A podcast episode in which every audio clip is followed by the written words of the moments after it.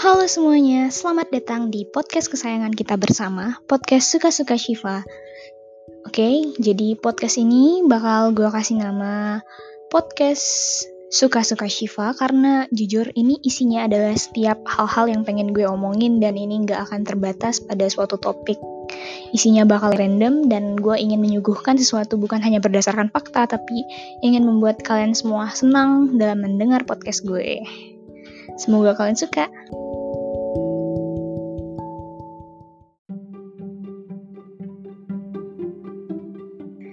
Nah, jadi di episode pertama ini gue bakal ngangkat sebuah judul yang udah kalian semua pilih di second account gue yaitu Ufobia.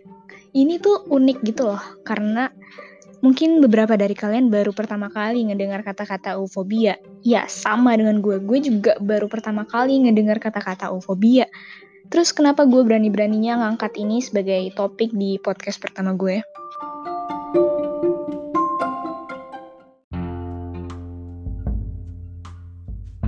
Jujur, jadi semuanya sebenarnya berawal dari TikTok, di mana gue menemukan sebuah video dan di dalam video itu ada kolom komentar. Di sana ada begitu banyak komentar dengan kata-kata ufobia. Gue mulai kepo dan gue mulai nyari-nyari di internet apa sih ufobia itu dan ternyata gue tidak menemukan hal itu dengan suatu pengertian yang sangat jelas di internet.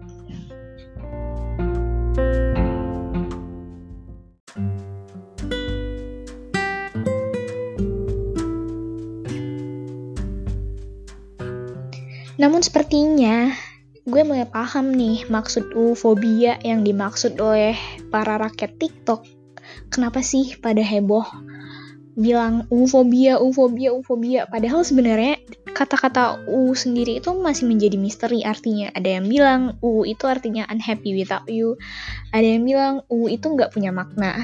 Nah, dari yang gue tangkep, Buat para tuan-tuan dan nona-nona yang saat ini sedang menjalani hubungan, kalian tidak akan pernah merasakan ufobia karena ufobia hanya akan dirasakan oleh kami-kami, para jomblo akut yang sampai detik ini belum mempunyai pasangan.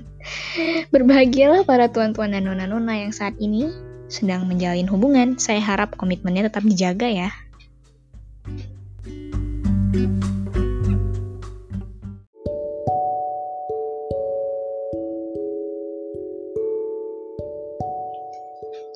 Lah, terus Shift sebenarnya ufobia tuh apa sih? Lo belum ngejelasin dari tadi makna ufobia. Lo cuman bilang kalau ufobia itu tidak akan dirasakan oleh orang-orang yang saat ini sedang menjalin hubungan. Oke, ini gue bakal ngasih tahu poin utamanya nih. Dari semua konten yang gue lihat, komentar ufobia itu hanya gue temuin di konten-konten yang berbau romance. You know what I mean, right? Jadi setiap konten yang berisi tentang kisah cinta orang, konten-konten yang berisi tentang keromantisan, atau segala sesuatu yang berbau dengan hal-hal yang sering disebut-sebut u, di situlah gue banyak menemukan komentar ufobia. Nah, sebenarnya kenapa sih gue harus membahas ufobia ini? Apakah ini sebenarnya memberikan dampak kepada orang-orang di sekitar gue? Menurut gue ini memberikan dampak kepada orang-orang di sekitar gue mulai dari hal-hal kecil ataupun itu termasuk ke dalam hal-hal besar dalam hidup kalian. Bagi orang-orang yang seperti gue, orang-orang yang saat ini sedang menjalani fase di mana lebih ingin sendiri daripada memiliki pasangan, Mungkin ada beberapa dari kami yang merasa iri terhadap konten-konten tersebut. Bahkan ada yang merasa dirinya tidak berguna, merasa dirinya kurang cantik, merasa insecure. Dari konten-konten ini sebenarnya banyak sekali dampak-dampak negatif yang diberikan kepada para remaja masa kini.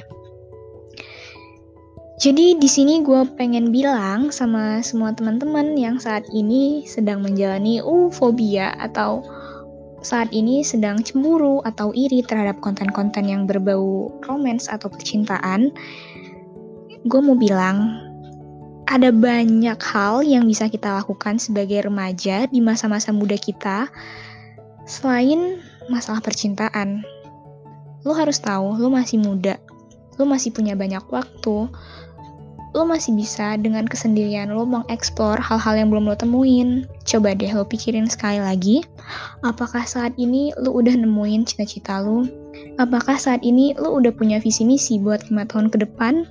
Atau saat ini lo udah punya finansial yang stabil? Coba dipikirin lagi. Bukan berarti dengan keadaan kita yang saat ini tidak punya pasangan, atau dengan keadaan kita yang saat ini iri atau cemburu terhadap seseorang yang sedang mengalami indah-indahnya fase percintaan, kita tidak memiliki makna di dalam hidup. Hidup kita tidak indah, hidup kita tidak berharga, kita hanya menjadi penonton, tidak kita juga bisa melakukan hal yang sama bahagianya dengan yang mereka rasakan sekarang. Coba deh, mulai sekarang lu mulai temuin passion lo. Temuin lagi apa yang makna sesungguhnya dalam hidup lo. Di umur sekarang, seharusnya lo udah mulai bisa nentuin apa yang mau lo lakuin ke depannya, apa yang bisa bikin orang tua lo bahagia.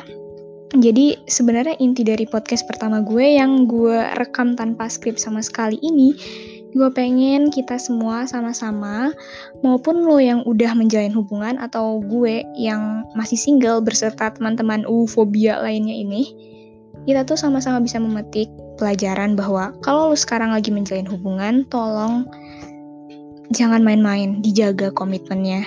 Buat kita, para kaum ufobia, kita masih punya banyak waktu untuk menemukan cinta yang tepat karena Cinta yang tepat belum tentu datang sekarang, mungkin nanti pada waktu yang tepat.